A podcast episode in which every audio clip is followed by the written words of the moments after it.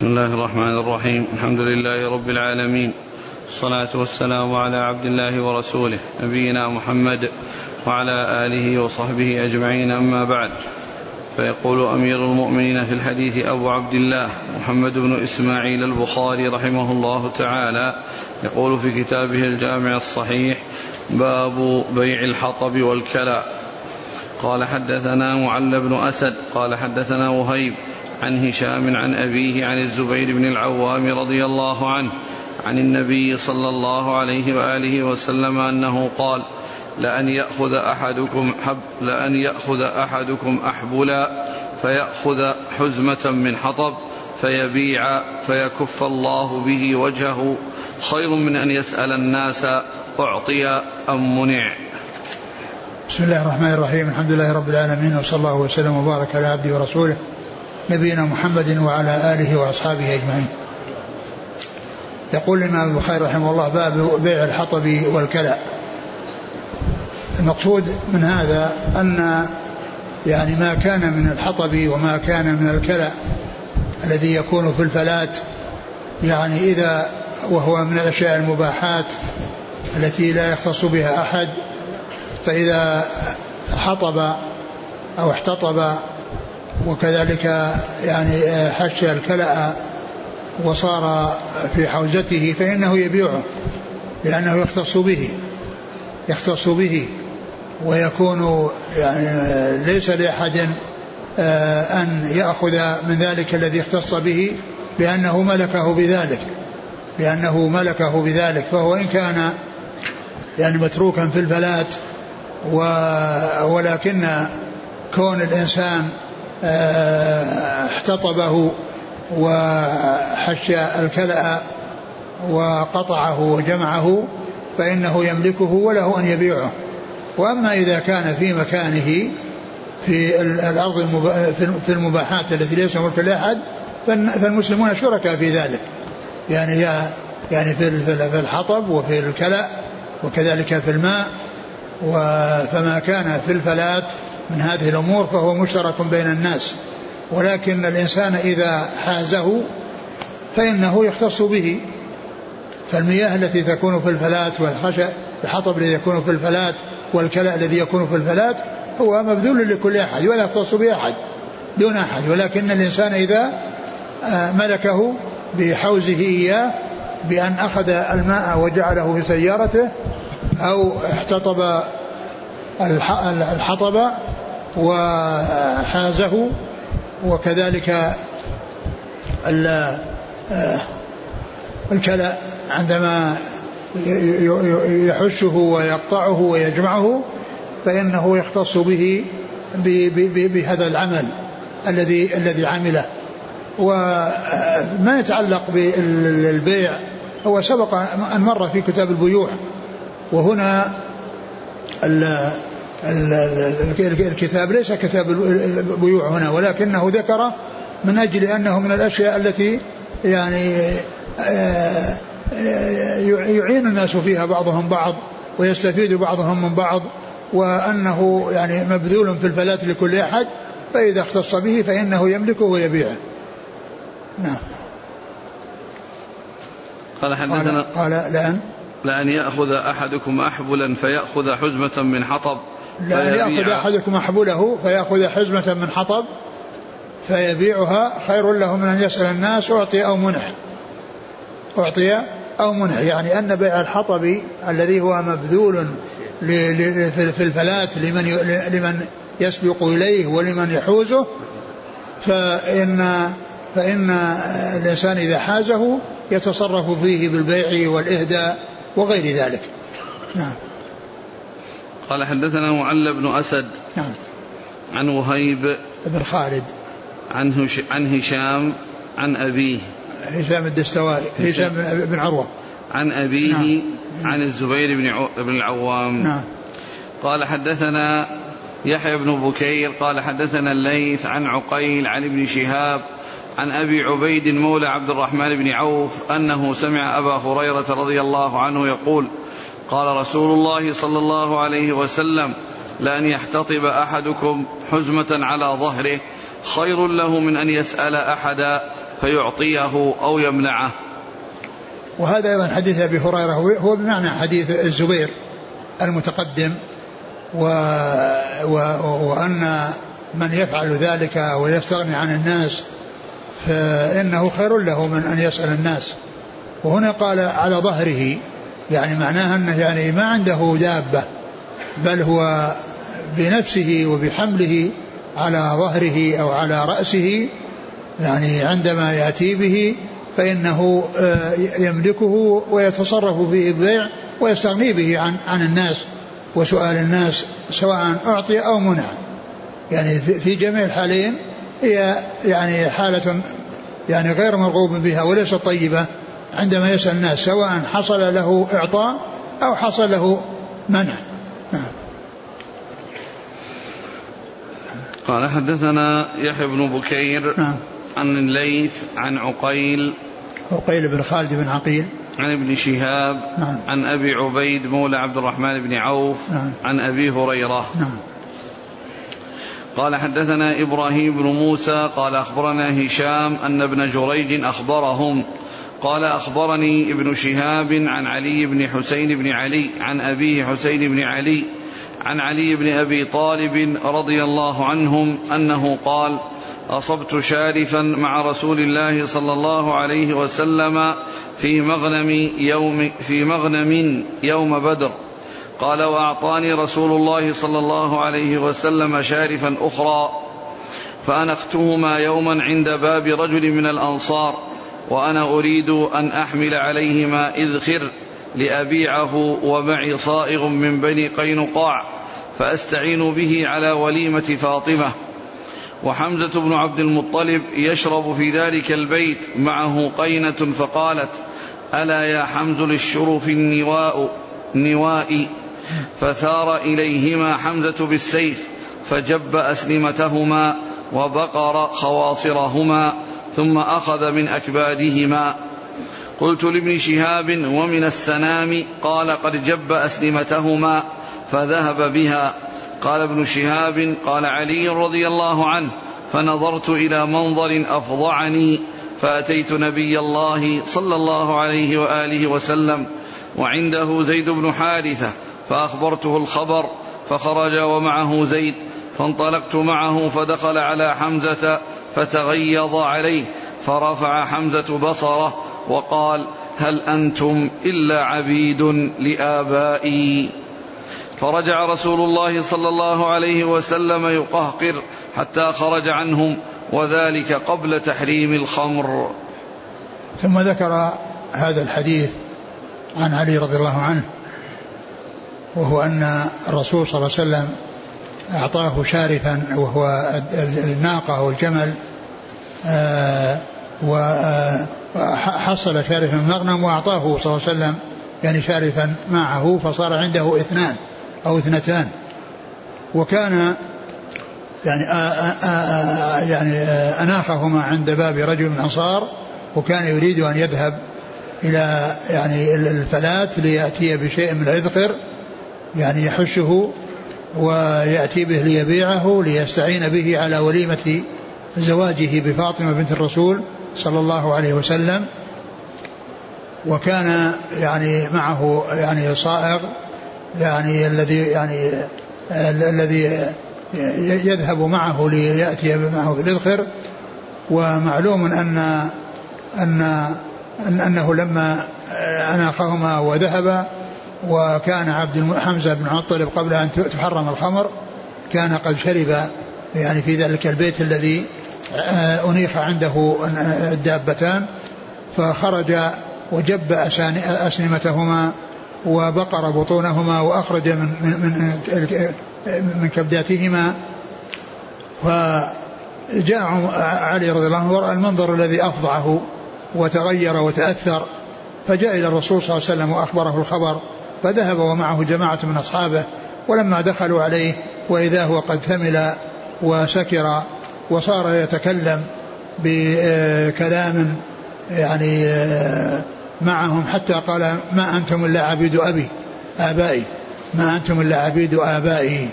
لأنه تكلم بهذا لأنه فاقد لأنه فاقد العقل.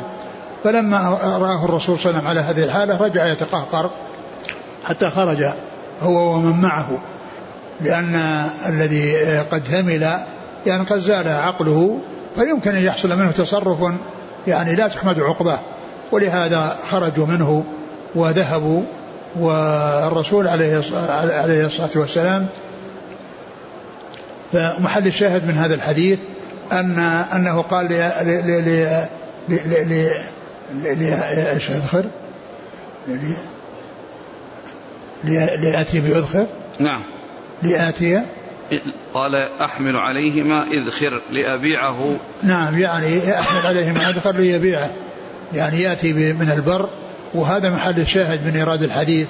يعني في آه، فيما يتعلق بالحطب وما يتعلق بالكلى. لأن هذا من يعني ليس من قبيل الحطب وإنما هو من قبيل من قبيل الكلى. وقد يكون من الحطب أنه يعني يستعمله الصاغة يعني لأن رائحته طيبة.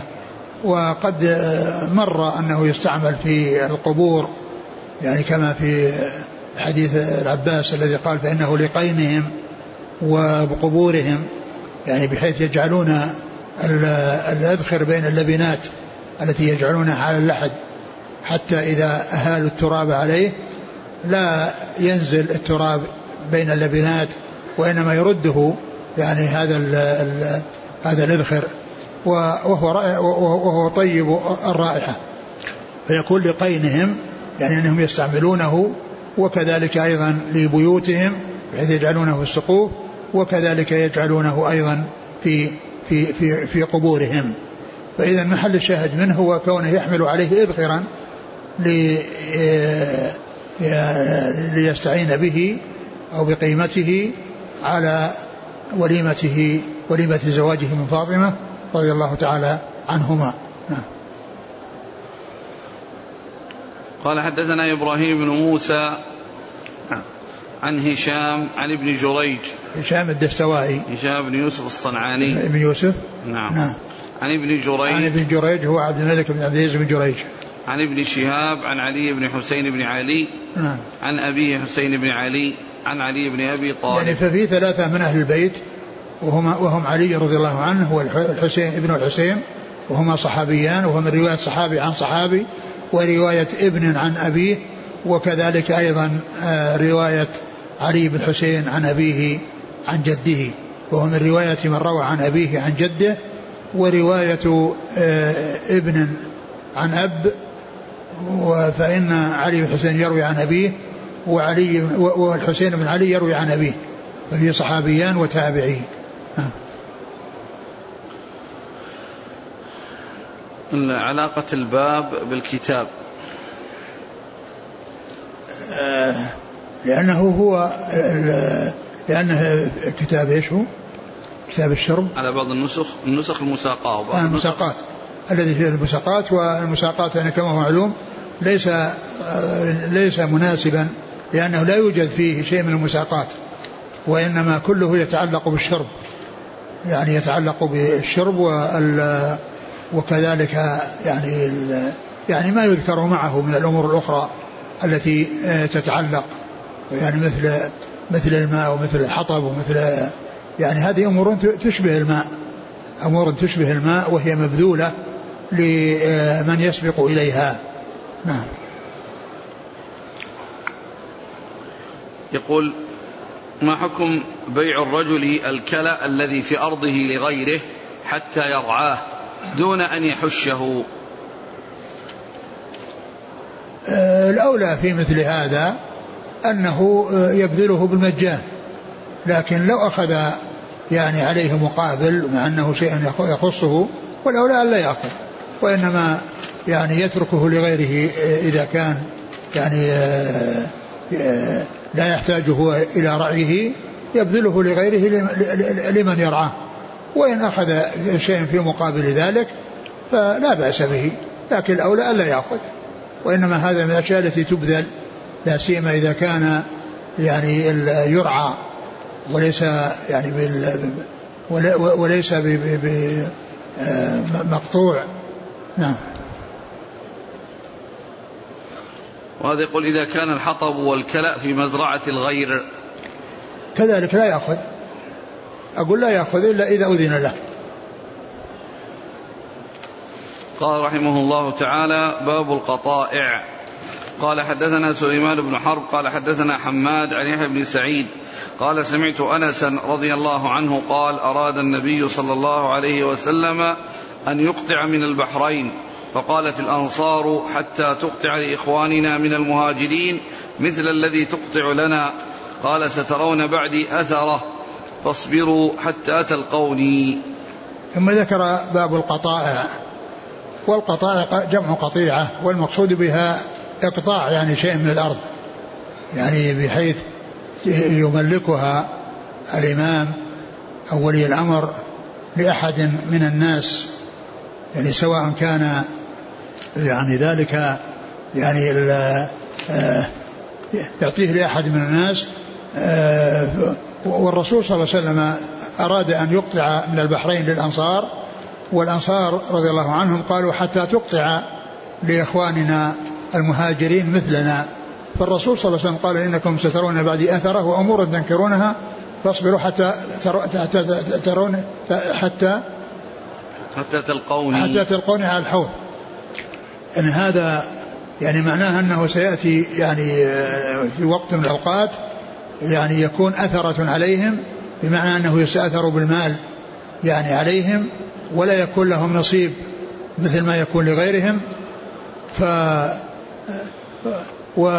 وقد جاء في بعض في الرواية التي بعدها أن أنه أنهم طلبوا أن أن أنهم يعني لم يكن عندهم يعني لم يكن فيه الشيء الكافي أو الشيء الكثير الذي يمنح للكثيرين من الناس فأراد أن يميز الأنصار على غيرهم لما حصل منهم من النصرة له صلى الله عليه وسلم ما حصل منهم من النصرة له.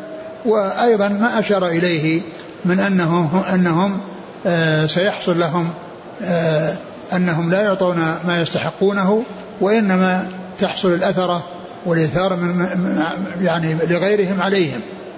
وهذا هو قال قال قال الحافظ أو غيره وهذا هو الذي حصل بعد وفاته صلى الله عليه وسلم فإن الولاية يعني كانت في في قريش ومع ذلك لم يحصل الأنصار مثل ما كان يحصل يحصل لغيرهم من قريش. نعم. قال حدثنا سليمان بن حرب نعم. عن حماد بن زيد. عن يحيى بن سعيد نعم. الأنصاري نعم. عن أنس. نعم. قال رحمه الله تعالى باب كتابة القطائع. وقال الليث عن يحيى بن سعيد عن أنس رضي الله عنه دعا النبي صلى الله عليه وسلم الأنصار ليقطع لهم بالبحرين. فقالوا يا رسول الله إن فعلت فاكتب لإخواننا من قريش بمثلها فلم يكن ذلك عند النبي صلى الله عليه وسلم. فقال إنكم سترون بعدي أثرة فاصبروا حتى تلقوني. ثم قال كتابة القطائع يعني الكتابة هي التوثق والتوثيق. وأن الشيء إذا أعطي وكتب عليه كتابة أو كتب فيه كتابة فإنه يكون فيه استيثاق. يعني لحصول هذا الإعطاء ولحصول هذا حتى يقطع التنازع وحتى لا يأتي أحد ينازع. لأنه إذا كان بيده كتابة فيها إقطاعه لهذا الشيء معناه أنه ملكه أو اختص به بهذا الإقطاع. اختص به بهذا الإقطاع الذي حصل. فإذا الكتابة إذا حصلت فيه فإنها فيها توثق وزيادة استيثاق يعني أكثر من وضع اليد عليه وكونه يعني يد المقطع عليه آه، إذا إذا حصل مع ذلك كتابة فإن هذا يكون أقطع لغيره في المنازعة وأنه يعني يملك ذلك أو يستقل به أو يختص به بسبب هذه الكتابة. وذكر الحديث يعني مثل الذي قبله إلا أن فيه الأنصار قالوا اكتب اكتب لإخواننا من المهاجرين مثل مثل مثل ما لنا ولم يكن ذلك عند رسول الله صلى الله عليه وسلم. يعني أنه لم يكن هناك يعني شيء كافي أو كثير يمكن أن يكتب لهؤلاء ولهؤلاء ثم أخبرهم بالشيء الذي سيحصل وأنهم سيجدون أثره يعني في المال عليهم وأن الأنصار لن يكون لهم نصيب مثل نصيب القرشيين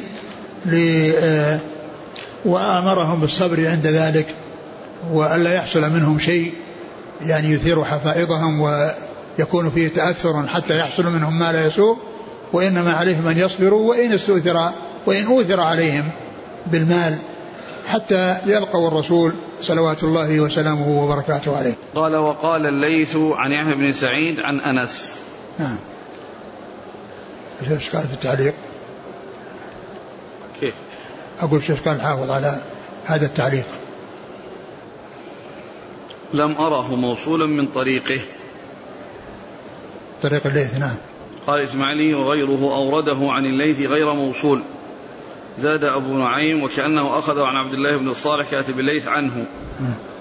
واعترض على المصنف بأن رواية الليث لا ذكر للكتابة فيها. واعترض. على المصنف بأن رواية الليث لا ذكر للكتابة فيها. وأجيب بأنها مذكورة في الشق الثاني وبأنه جرى على عادته في الإشارة إلى ما يرد في بعض الطرق وقد تقدم أنه عنده في الجزية من رواية زهير وهو عند أحمد عن أبي معاوية عن يحيى بن سعيد. قال رحمه الله تعالى باب حلب الإبل على الماء. قال حدثنا إبراهيم بن المنذر قال حدثنا محمد بن فريع قال حدثني أبي عن هلال بن علي عن عبد الرحمن بن أبي عمرة عن أبي هريرة رضي الله عنه عن النبي صلى الله عليه وآله وسلم أنه قال من حق الإبل أن تحلب على الماء. ثم ذكر باب حلب حلب الإبل على الماء. المقصود من ذلك أن الإبل ترعى ثم ترد الماء وإذا وردت الماء يعني يكون المساكين يكون المساكين ينتظرون أو يعني يرجون أو يؤملون أن يحصلوا شيئا من من من من من, من حليبها ولبنها.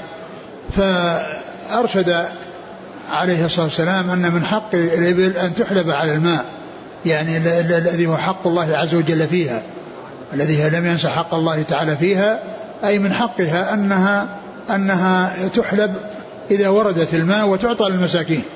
لأن المساكين لا يذهبون للبر يبحثون عن الإبل وهي في مرعاها وإنما يجلسون عند الماء الذي ترد إليه. فكان من من حقها ومما هو مما ينبغي أن يفعل عند ورودها للماء. يعني من حقها أن صاحبها يحلبها ويعطيها للفقراء. والمساكين لأن حلبها فيه فائدة لها وفائدة للمساكين لأنه لو بقي الحليب فيها ومكث فإنه يؤذيها ويكون فيه إيذاء لها وأيضا كذلك يعني آه، إذا لم يحلبها يعني مع حصول الإيذاء لا تحصل الفائدة للمساكين. وإذا حلبها وأعطاها المساكين استفاد المساكين المساكين وهي أيضا ذهب عنها الأذى الذي يحصل لها بسبب انحباس اللبن في في في, في ضرعها. فإذا يعني عندما ترد الإبل فإن من من من حقها أو من الحق الذي جعله الله تعالى فيها أن تحلب وتعطى للمساكين الذين ينتظرون أو يطمعون ويؤملون أن يحصل لهم شيء من الحليب. نعم. قال حدثنا إبراهيم بن المنذر نعم. عن محمد بن فليح نعم. عن أبيه نعم. عن هلال بن علي نعم. عن عبد الرحمن بن أبي عمرة نعم. عن أبي هريرة نعم. قال رحمه الله تعالى باب الرجل يكون له ممر أو شرب في حائط أو في نخل. قال النبي صلى الله عليه وآله وسلم من باع نخلا بعد أن تؤبر فثمرتها للبائع. فللبائع الممر والسقي حتى يرفع وكذلك رب العرية. قال أخبرنا عبد الله بن يوسف قال حدثنا الليل قال حدثني ابن شهاب عن سار بن عبد الله عن أبيه رضي الله عنه أنه قال سمعت رسول الله صلى الله عليه وآله وسلم يقول من ابتاع نخلا بعد أن تؤبر فثمرتها للبائع إلا أن يشترط المبتاع ومن ابتاع عبدا وله مال فماله للذي باعه إلا أن يشترط المبتاع. وعن مالك عن نافع عن ابن عمر عن عمر رضي الله عنه في العبد. ثم قال باب. الرجل يكون له ممر أو شرب في حائط. باب الرجل يكون له ممر أو شرب في حائط يعني في حائط غيره. يكون له ممر أو شرب يعني يختص به أو يكون له في مال غيره أو في حائط غيره فإن له أن يدخل فإن له أن يدخل من أجل أن يسقي يعني هذا الشيء الذي الذي له إذا لم يحصل إسقاؤه من صاحب صاحب البستان وكذلك يدخل من أجل أن آه، يأخذ الثمر الذي الذي أعطي إياه عرية الذي يعطيه عرية لأن من أنواع العرية أن يعطي الرجل أو يهب له نخلات.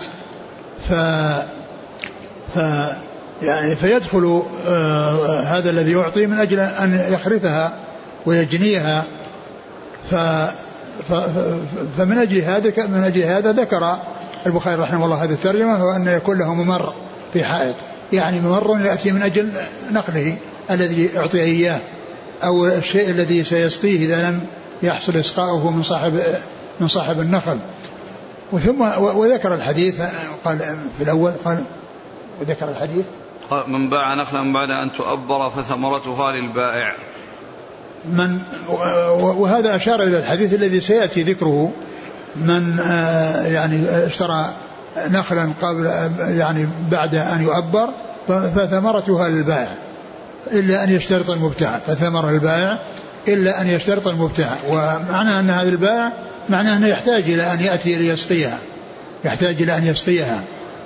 أو إذا كانت أعري إياها من أجل يستفيد من ثمرتها يدخل ليجني يعني ذلك الرطب الذي أعطي إياه. يعني فمعنى ذلك أنه يكون له ممر فيما لغيره من أجل أن يسقي أو من أجل أن يجني.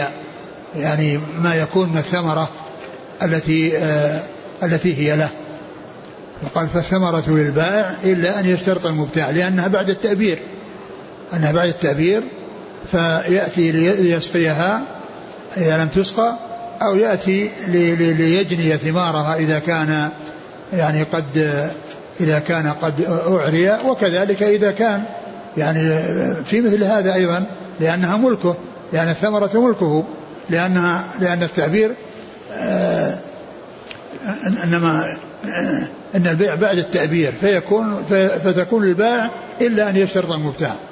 فكل منهما يدخل أي المعرى والذي آه، الذي اشترى أو الذي باع بعد التعبير والثمرة له يحتاج إلى أن يدخل ليجني هذه الثمرة أو ليسقي النخل إذا لم يتم إسقاؤه.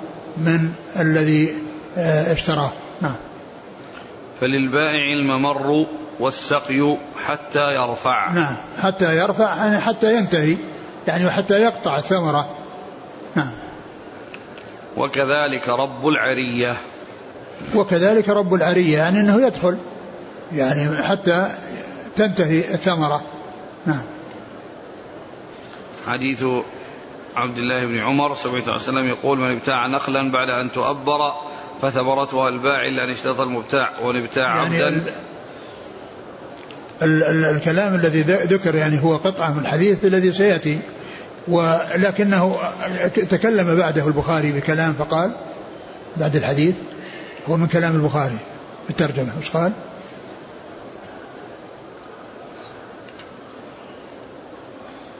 في الترجمة باب الممر والشرب. باب الرجل يكون له ممر أو شرب في حائط أو في نخل. قال النبي صلى الله عليه وسلم من باع نخلا بعد أن تؤبر فثمرتها للبائع. والممر والسقي حتى يرفع. يعني هذا الكلام من كلام البخاري الأخير. يعني. هذا الكلام الأخير للبخاري. والحديث يعني هو أول الحديث الذي ذكره ولكنه أسنده فيما بعد. أسنده فيما بعد. والبقية التي بعد الحديث هي من كلام البخاري. وش قال البخاري؟ للب... فللبائع الممر والسقي حتى أيوة. يرفع. نعم. وكذلك رب العرية. نعم. قال حدثنا عبد الله بن يوسف عن الحديث الحديث نفسه. عن ابن عمر قال صلى الله عليه وسلم من ابتاع نخلا بعد أن تؤبر فثمرتها للبائع إلا أن يشترط المبتاع. نعم. ومن ابتاع عبدا وله مال فماله للذي باعه إلا أن يشترط المبتاع. ومن ابتاع من ابتاع عبدا وله مال أي بيده مال فماله للبائع أن يشترط المبتاع لأن الذي في حوزته البيع إنما هو للعبد نفسه. ما ي... لم يباع معه شيء من المال. فالمال الذي بيده هو لسيده. المال الذي بيده هو لسيده. ولا يكون للمبتاع إلا إذا شرطه. بأن يكون بتحت حوزته مال للسيد فاشترط المشتري أن يكون له مع العبد ما ما تحت يد العبد من المال. فإذا المسألتان مؤداهما واحد. مسألة النقل إذا أبر فهو يعني المبتاع للبائع حتى إلا أن يشتري المبتاع والعبد إذا اشتري وله مال فإن المال الذي بيده هو لسيده الذي هو البائع إلا أن يشترط المبتاع بأن يكون ما في حوزته تابعا تابعا له يعني في البيع. نعم. قال حدثنا أخبرنا عبد الله بن يوسف عن الليث عن ابن شهاب عن سالم بن عبد الله عن نعم. أبيه. نعم. وعن مالك عن نافع عن ابن عمر عن عمر في العبد. نعم. قال حدثنا محمد بن يوسف قال حدثنا سفيان عن يحيى بن سعيد عن نافع عن ابن عمر عن زيد بن ثابت رضي الله عنهم. قال رخص النبي صلى الله عليه وآله وسلم أن تباع العرايا بخرصها تمرا. ثم ذكر هذا الحديث أن الرسول رخص بالعرايا أن تباع بخرصها تمرا يعني بحيث يعني يكون هناك تمر يعني آه، آه، جاهز بيد المشتري أو بيد الذي يريد أن يعني يشتري يعني آه، ثمرا على رؤوس النخل. فالذي هو يعني يدفع يعني يدفع عدد من الآصع من التمر وفي مقابلها ال ال الذي يكون في رؤوس النخل. فرخص هذا من بيع المزابنة لأن بيع المزابنة يعني هي بيع التمر بثمر على رؤوس النخل أو بشيء يعني يحصل من النخل. فإن ذلك غير جائز إلا أنه رخص في العرايا في حدود أقل من خمسة أوسق للحاجة إلى ذلك يعني بحيث يعني يأكلون ذلك رطبا فيكون التمر عندهم متوفرا ويعطونه في مقابل الرطب أو الثمر الذي يكون على رؤوس النخل. فرخص في العرايا واستثنيت من بيع المزابنة. نعم. قال حدثنا محمد بن يوسف عن سفيان. محمد؟ بن يوسف الفريابي نعم. عن سفيان سفيان الثوري. نعم. عن يحيى بن سعيد عن نافع عن ابن عمر نعم. عن زيد بن ثابت. نعم. قال حدثنا عبد الله بن محمد قال حدثنا ابن عيينة عن ابن جريج عن عطاء أنه سمع جابر بن عبد الله رضي الله عنهما نهى النبي صلى الله عليه وآله وسلم عن المخابرة والمحاقلة وعن المزابنة وعن بيع الثمر حتى يبدو صلاحها وألا تباع إلا بالدينار والدرهم إلا العرايا. نعم نعم عن المخابرة نعم. والمحاقلة نعم. وعن المزابنة وعن بيع الثمر حتى يبدو صلاحها وألا تباع إلا بالدينار والدرهم إلا العرايا ثم ذكر هذا الحديث عن رسول عن المخابرة والمخابرة هي يعني من هي يعني مثل المزارعة يعني أنها آه أنها آه تؤجر أو آه تؤجر بشيء مما يخرج منها. وهذا يعني كما عرفنا ممنوع إذا كان مجهولا. أما إذا كان معلوم النسبة فإن هذا هو الذي استقر عليه العمل في خيبر حيث كانوا يأخذون الأرض بأن يزرعوها ولهم نصف الثمرة أو أو أو يسقون النخل ولهم نصف الثمرة. فهي دالة على المساقات على المساقات للنخل والمزارعة والمزارعة في الأرض. وإنما النهي آه، محمول على ما إذا كان فيه جهالة كما سبق أن مر على الماذينات وأقبال الجداول والأربعة وما إلى ذلك أو يكون لهذا آه، قطعة ولهذا قطعة فإن هذا يؤول إلى الجهالة وإلى الغرر. ولكنه إذا كان على سبيل المزارعة والمساقات فإن بجزء معلوم النسبة مما يخرج فإن هذا هو الذي ثبتت به السنة عن رسول الله صلى الله عليه وسلم وعمل به الخلفاء من من بعده. وكذلك المحاقلة هي بمعناها لأنها من الحقل الحقل الذي يكون فيه الزرع. كذلك يعني فهي بمعناها بمعنى المزارعة. ومعلوم أن المزارعة يعني تكون بجزء معلوم النسبة هذا سائغ وأما إذا كانت بشيء آه، يختص ببقعة أو فإن هذا لا يجوز لما فيه من الجهلة والغرض والمزابنة هي التي استثنيت منها العرايا يعني بأن آه، يباع ما على رؤوس النخل بتمر جاهز. ف فإن ذلك غير سائغ واستثني من ذلك العرايا في حدود خمسة أوسق في أقل من خمسة أوسق. نعم. والعرايا مستثناة من المزابنة. نعم. قال حدثنا عبد الله بن محمد المسندي. عن ابن عيينة عن ابن جريج عن عطاء بن أبي رباح. عن جابر بن عبد الله. نعم. قال حدثنا يحيى بن قزعة قال أخبرنا مالك عن داود بن حسين عن أبي سفيان مولى أبي أحمد عن أبي هريرة رضي الله عنه أنه قال رخص النبي صلى الله عليه وسلم في بيع العرايا بخرصها من التمر فيما دون خمسة أوسق أو في خمسة أوسق شك داود في ذلك. وهذا سبق أن مر الحديث وفيما يتعلق بالعرايا وأن الرسول صلى الله عليه وسلم رخص في ذلك. وأنه في حدود ما هو أقل من خمسة أوسق. يعني ما ينقص عن خمسة أوسق هذا هو الذي محقق. يعني يعني ما دون الخمسة هذا هو محقق. وأما الخمسة يعني ففيها شك. نعم. قال حدثنا يحيى بن قزعة نعم. عن مالك عن داود بن حسين نعم. عن أبي سفيان مولى أبي أحمد نعم. عن أبي هريرة نعم. قال حدثنا زكريا بن يحيى قال أخبرنا أبو أسامة قال أخبرني الوليد بن كثير قال أخبرني بشير بن يسار. مولى بني حارثة أن رافع بن خديج وسال بن أبي حثمة رضي الله عنهما حدثاه أن رسول الله صلى الله عليه وآله وسلم نهى عن المزابنة بيع, بيع الثمر بالتمر إلا أصحاب العرايا فإنه أذن لهم. قال أبو عبد الله وقال ابن إسحاق حدثني بشير مثله. ثم ذكر هذا الحديث. قال عن رافع بن خديج وسلم بن أبي حثمة نعم. أن صلى الله عليه وسلم نهى عن المزابنة. أنه نهى عن المزابنة وهي بيع التمر رؤوس النخل بالتمر يعني يعني الذي يكون مقدما يعني في مقابل تمر عن رؤوس النخل.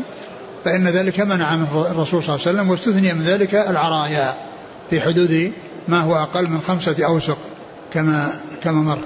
نعم. فإنه قال إلا أصحاب العرايا فإنه أذن لهم. نعم أذن لهم فيها. وهي مستثنات من المزابنة. وهي مستثنات من المزابنة. نعم. قال حدثنا زكريا بن يحيى. نعم. عن أبي أسامة. حماد بن أسامة. عن الوليد بن كثير. نعم. عن بشير بن يسار مولى نعم. بني حارثة. نعم. عن رافع بن خديج وسالم بن أبي حثمة. نعم. قال أبو عبد الله وقال ابن إسحاق. هو محمد بن إسحاق. قال حدثني بشير مثله. نعم. قال حدثني بشير نعم. مثله. يعني مثل الذي قبله. ومحمد بن إسحاق مدلس. وفي قوله حدثني معناه أنه صرح بالتحديد. قال رحمه الله تعالى بسم الله الرحمن الرحيم. باب في الاستقراض وأداء الديون والحجر والتفليس. قال رحمه الله باب من اشترى بالدين وليس عنده ثمنه أو ليس بحضرته. قال حدثنا محمد قال أخبرنا جرير عن المغيرة عن الشعبي عن جابر بن عبد الله رضي الله عنهما أنه قال غزوت مع النبي صلى الله عليه وسلم.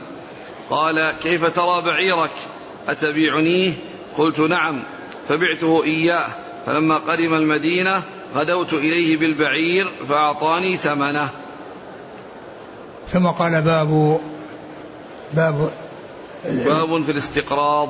باب في الاستقراض وقضاء الديون. وأداء الديون والحجر والتفليس والحجر والتفليس يعني ذكر يعني جملة من الموضوعات في باب واحد.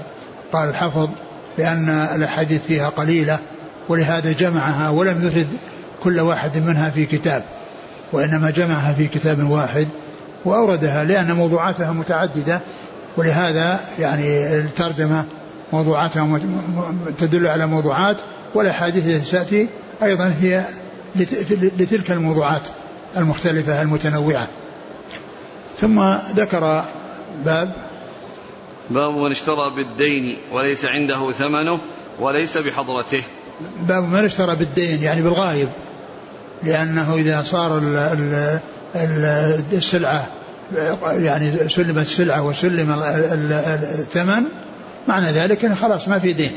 ولكن إذا إذا إذا, إذا يعني يعني لم يسلم الثمن فهو إما أن يكون يعني دينا أو أنه ليس بحضرته.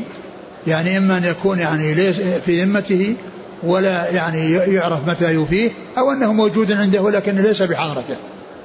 وأورد هذا الحديث الذي فيه شراء الرسول صلى الله عليه وسلم من جابر جمله وكان الثمن عنده ولكنه ليس بحضرته صلى الله عليه وسلم.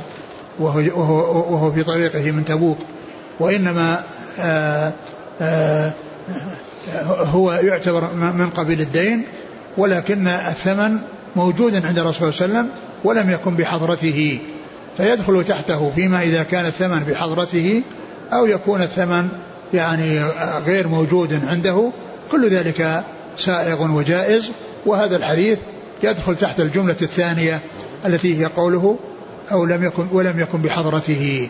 كان عنده ولكنه ليس بحضرته. ثم ذكر بعد ذلك آه، آه، ما يدل على الشق الأول الذي هو يعني كون شرى بالدين وليس يعني وليس عنده وليس عنده السداد يعني لا يملك السداد. نعم.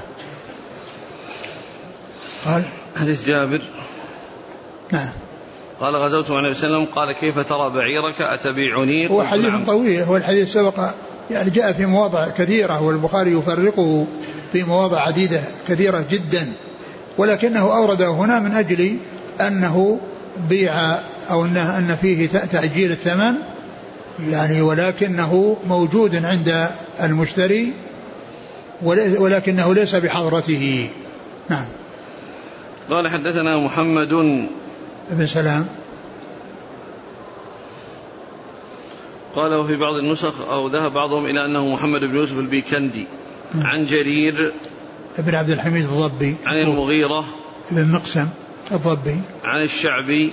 عامر بن شراحيل. عن جابر بن عبد الله. نعم.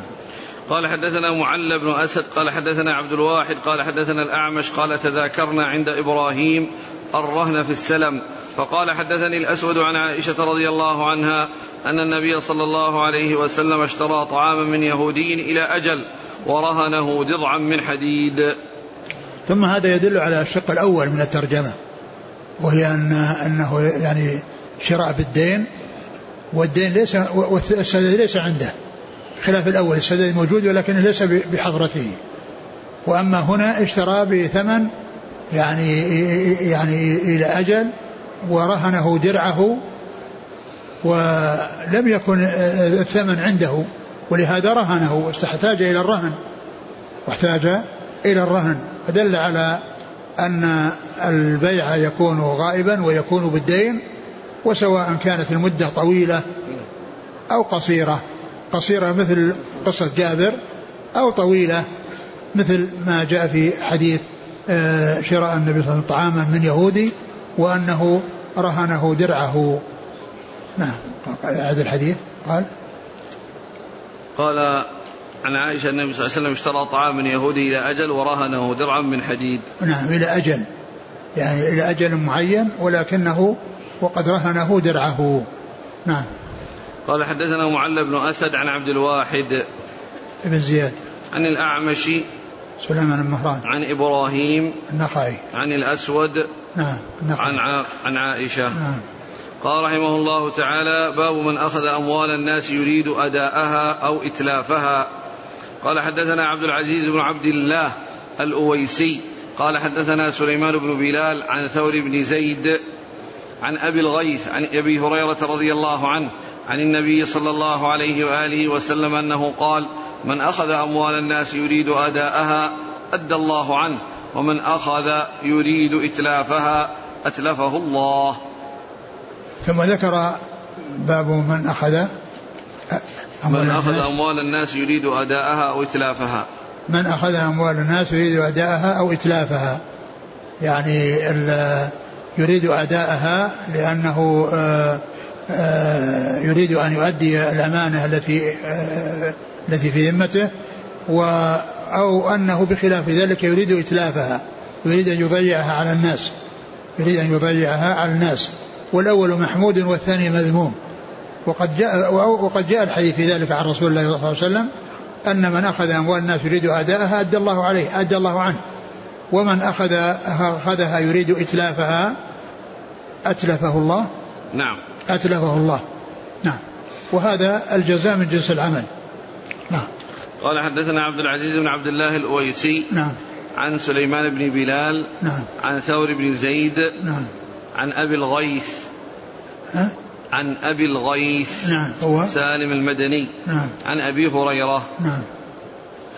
قال رحمه الله تعالى باب أداء الديون. وقال الله تعالى إن الله يأمركم أن تؤدوا الأمانات إلى أهلها وإذا حكمتم بين الناس أن تحكموا بالعدل. إن الله نعم ما يعظكم به. إن الله كان سميعا بصيرا. قال حدثنا أحمد بن يونس قال حدثنا أبو شهاب عن الأعمش عن زيد بن وهب عن أبي ذر رضي الله عنه أنه قال كنت مع النبي صلى الله عليه وآله وسلم فلما أبصر يعني أحدا قال ما أحب أنه يتحول لي ذهبا يمكث عندي منه دينار فوق ثلاث إلا دينارا أرصده لدين.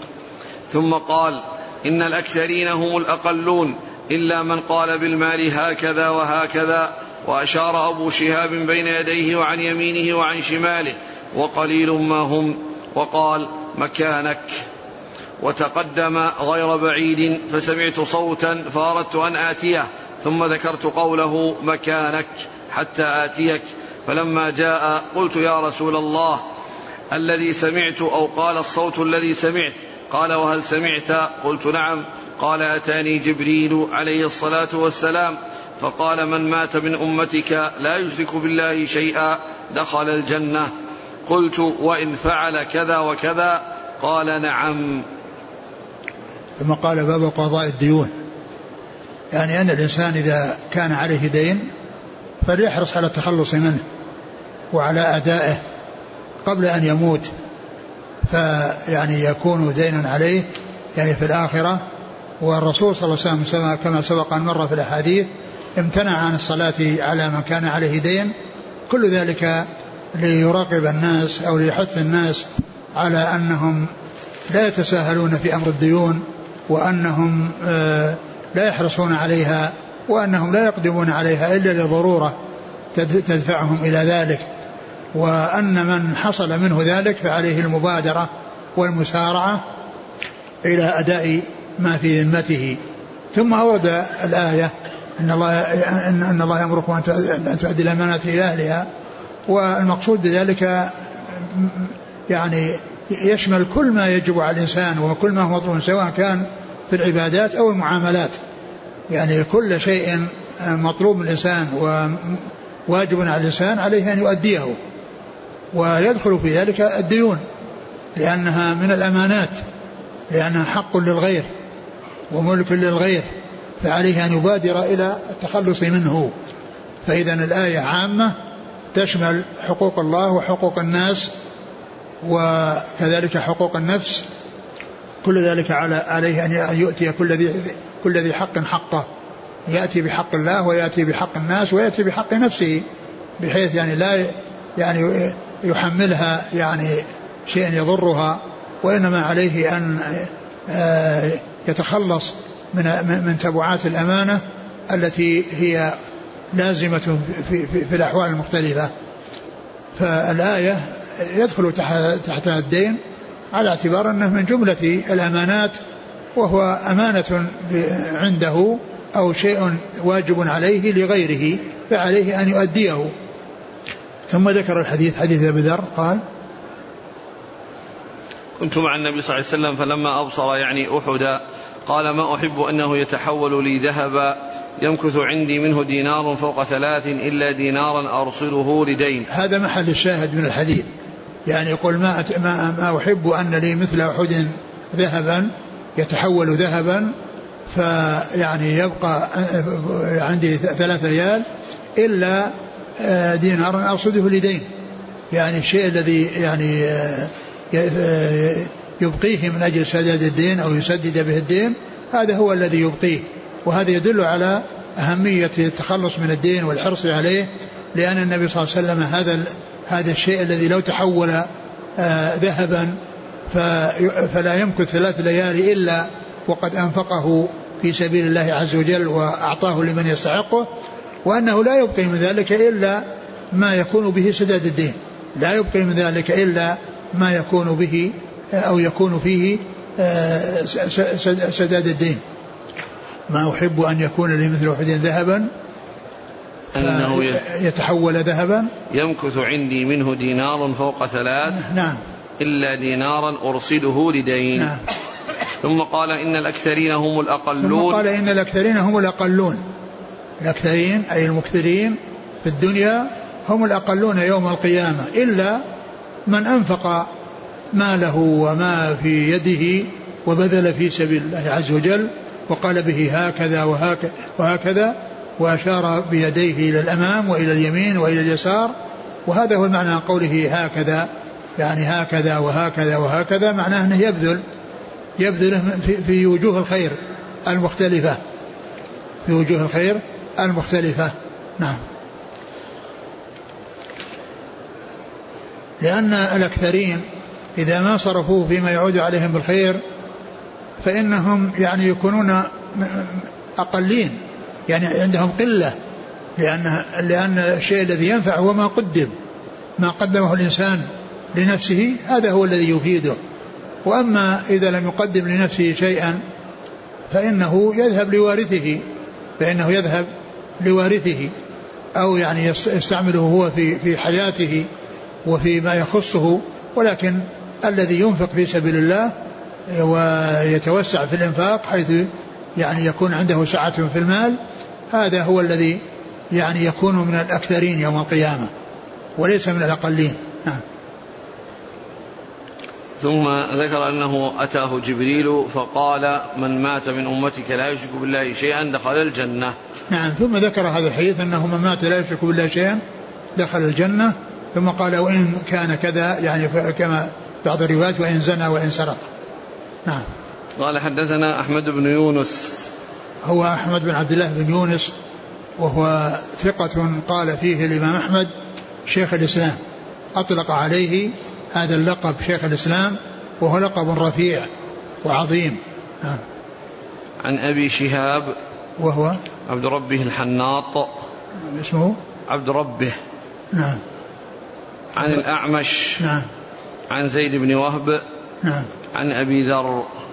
نعم قال حدثنا أحمد بن شبيب ابن نعم. سعيد قال حدثنا أبي عن يونس قال ابن شهاب حدثني عبيد الله بن عبد الله بن عتبة قال قال أبو هريرة رضي الله عنه قال رسول الله صلى الله عليه وآله وسلم لو كان لي مثل أحد ذهبا ما يسرني ألا يمر علي ثلاث وعندي منه شيء إلا شيء أرصده لدين رواه صالح وعقيل عن الزهري وهذا مثل الذي قبله.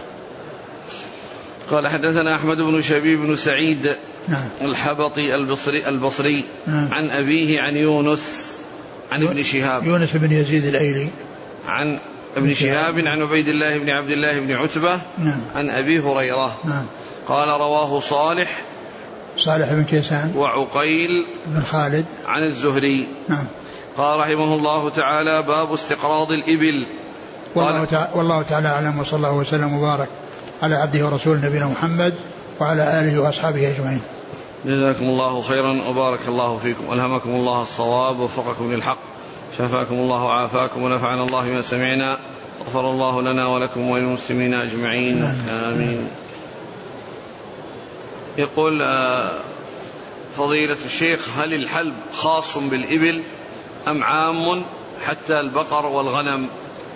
من حقها والله لا شك ان أنها يعني آه انه لا يختص بالإبل لأن كل هذا يستفاد منه وفيه مصلحة للمساكين ومصلحة لل- للدواب. نعم.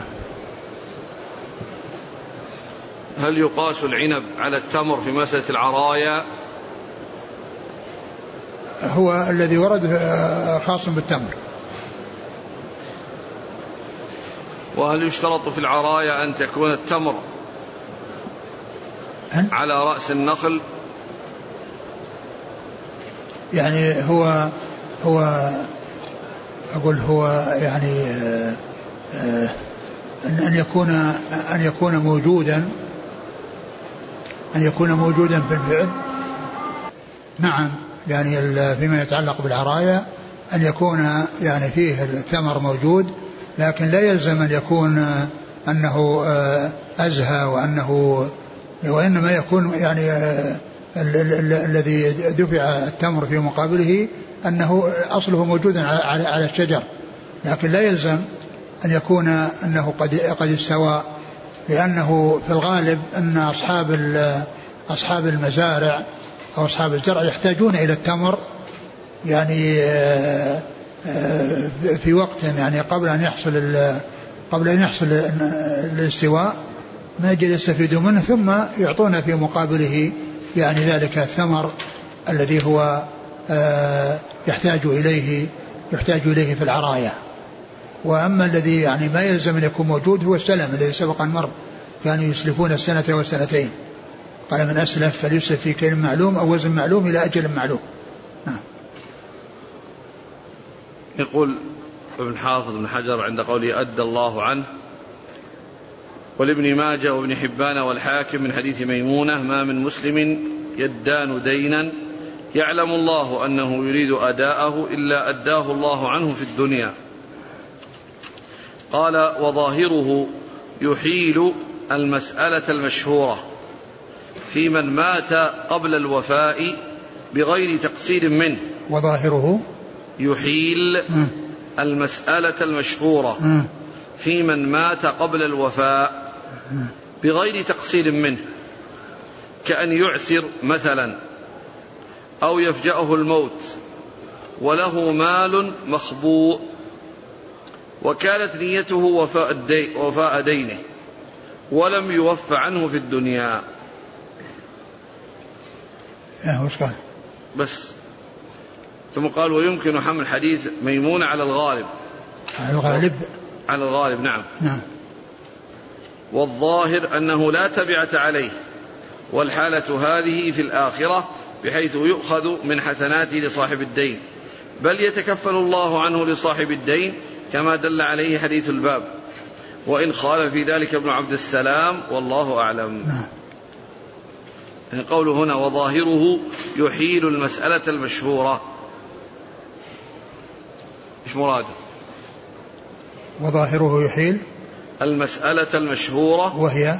في من مات قبل الوفاء بغير تقصير منه كأن يعسر مثلا أو يفجأه الموت وله مال مخبوء وكانت نيته وفاء دينه ولم يوف عنه في الدنيا. هذا قال هو, في هو الآخر أنه أن الله تعالى يعني يوفي عنه و أنا أريد كلمة يحيل المسألة. وظاهره يحيل المسألة المشهورة. العبارة. يحيل؟ إيه. ما أدري. ما أدري هو المسألة يعني يعني هذا ما أدري هل هي صحيحة أو أن فيها تصحيف لا أدري. يعني ليس ليس بمستحيل هذا. إذا كان مقصود الاستحالة ليس هذا من قبيل المستحيل.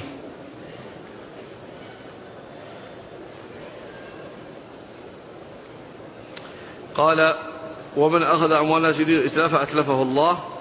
قال بعد ذلك قال ابن بطال فيه الحض على ترك است... استئكال أموال الناس. الحث الحض على؟ على الحض على ترك استئكال أموال الناس. والترغيب في حسن التأدية إليهم عند المداينة وأن الجزاء قد يكون من جنس العمل. أي هو شو الإشكال؟ ثم قال وفيه الترغيب في تحسين النية والترغيب من ضد ذلك وأن مدار الأعمال عليها. نعم وفيه نعم. الترغيب في الدين لمن ينوي الوفاء. والله هذا غير مستقيم هذا. لأن الدين لا يرغب فيه. يعني أقول الإنسان الترغيب يعني عند الحاجة إليه نعم الإنسان إذا اضطر يستدين عند الحاجة. وأما كون الإنسان مغنيه الله بالمال ويروح يعني يستدين من أجل أنه من أجل أنه يكون عنده نية طيبة أبدا أغناه الله عن الدين. فليس في فليس في ترغيب في الدين. من ترغيب في الدين اي أقول لا يرغب. أقول لا يرغب, لا يرغب في الدين. لا يرغب في الدين إلا لمن احتاج إليه. ويكون بنية طيبة. وأما إنسان يعني لا يحتاج إليه لا يرغب فيه. أبدا. وإنما ينفر منه. يقول وقد أخذ بذلك عبد الله بن جعفر فيما رواه ابن ماجه والحاكم من رواية محمد بن علي عنه أنه كان يستدين. فسئل فقال سمعت رسول الله صلى الله عليه وسلم يقول إن الله مع الدائن حتى يقضي دينه. إسناده حسن. يعني يستدين للحاجة ما هو يعني لغير الحاجة أو يستدين للحاجة. لكن اختلف فيه على محمد بن علي. فرواه الحاكم أيضا عن من طريق القاسم بن الفضل عنه عن عائشة بلفظ ما من عبد كانت له نية في وفاء دينه إلا كان له من الله عون. قالت فأنا ألتمس ذلك العون. وش قال فيه قال وساق. لا يعني لا. ما ذكر درجته. لا. قال وساق له شاهدا. أقول هذا مثل مثل مثل ما تقدم إذا كان بحاجة إليه. أما من أغناه الله عن الدين وعنده المال فكيف يستدين.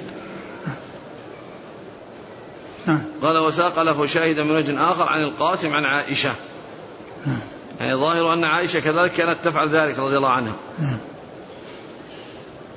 يعني إذا ثبت. كم مجلد في لكن آه كما هو معلوم محتاج يستدين والذي أغناه الله عز وجل لا يحتاج إلى الاستدانة والأجر يحصله ببذل المال في سبيل الله. يقول من استدان لشراء سيارة هل هذا من مسوغات الدين؟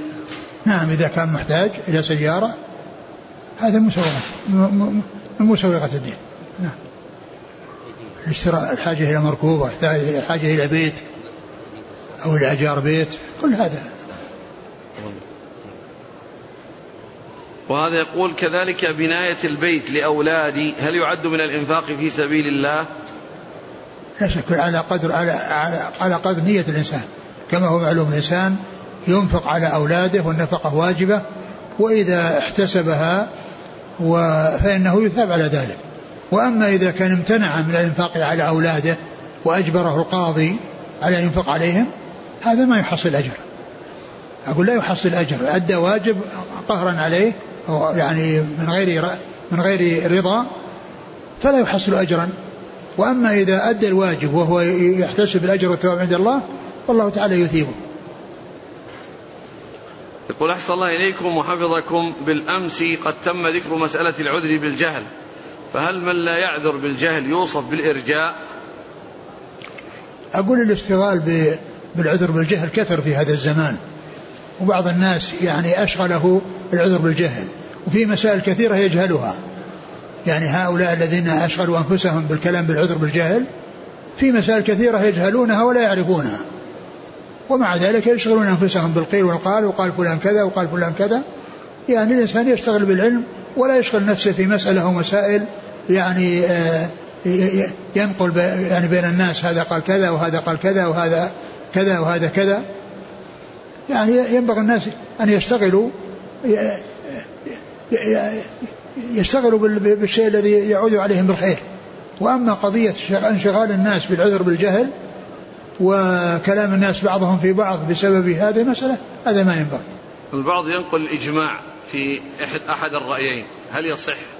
ما أعرف يعني قضية قضية إجماع ما, ما لا أدري. يقول لي ولد مصاب بمرض وراثي خطير وحاولت علاجه دون جدوى فقال لي الأطباء إذا حملت زوجتي فبإذن الله يستطيعون معرفة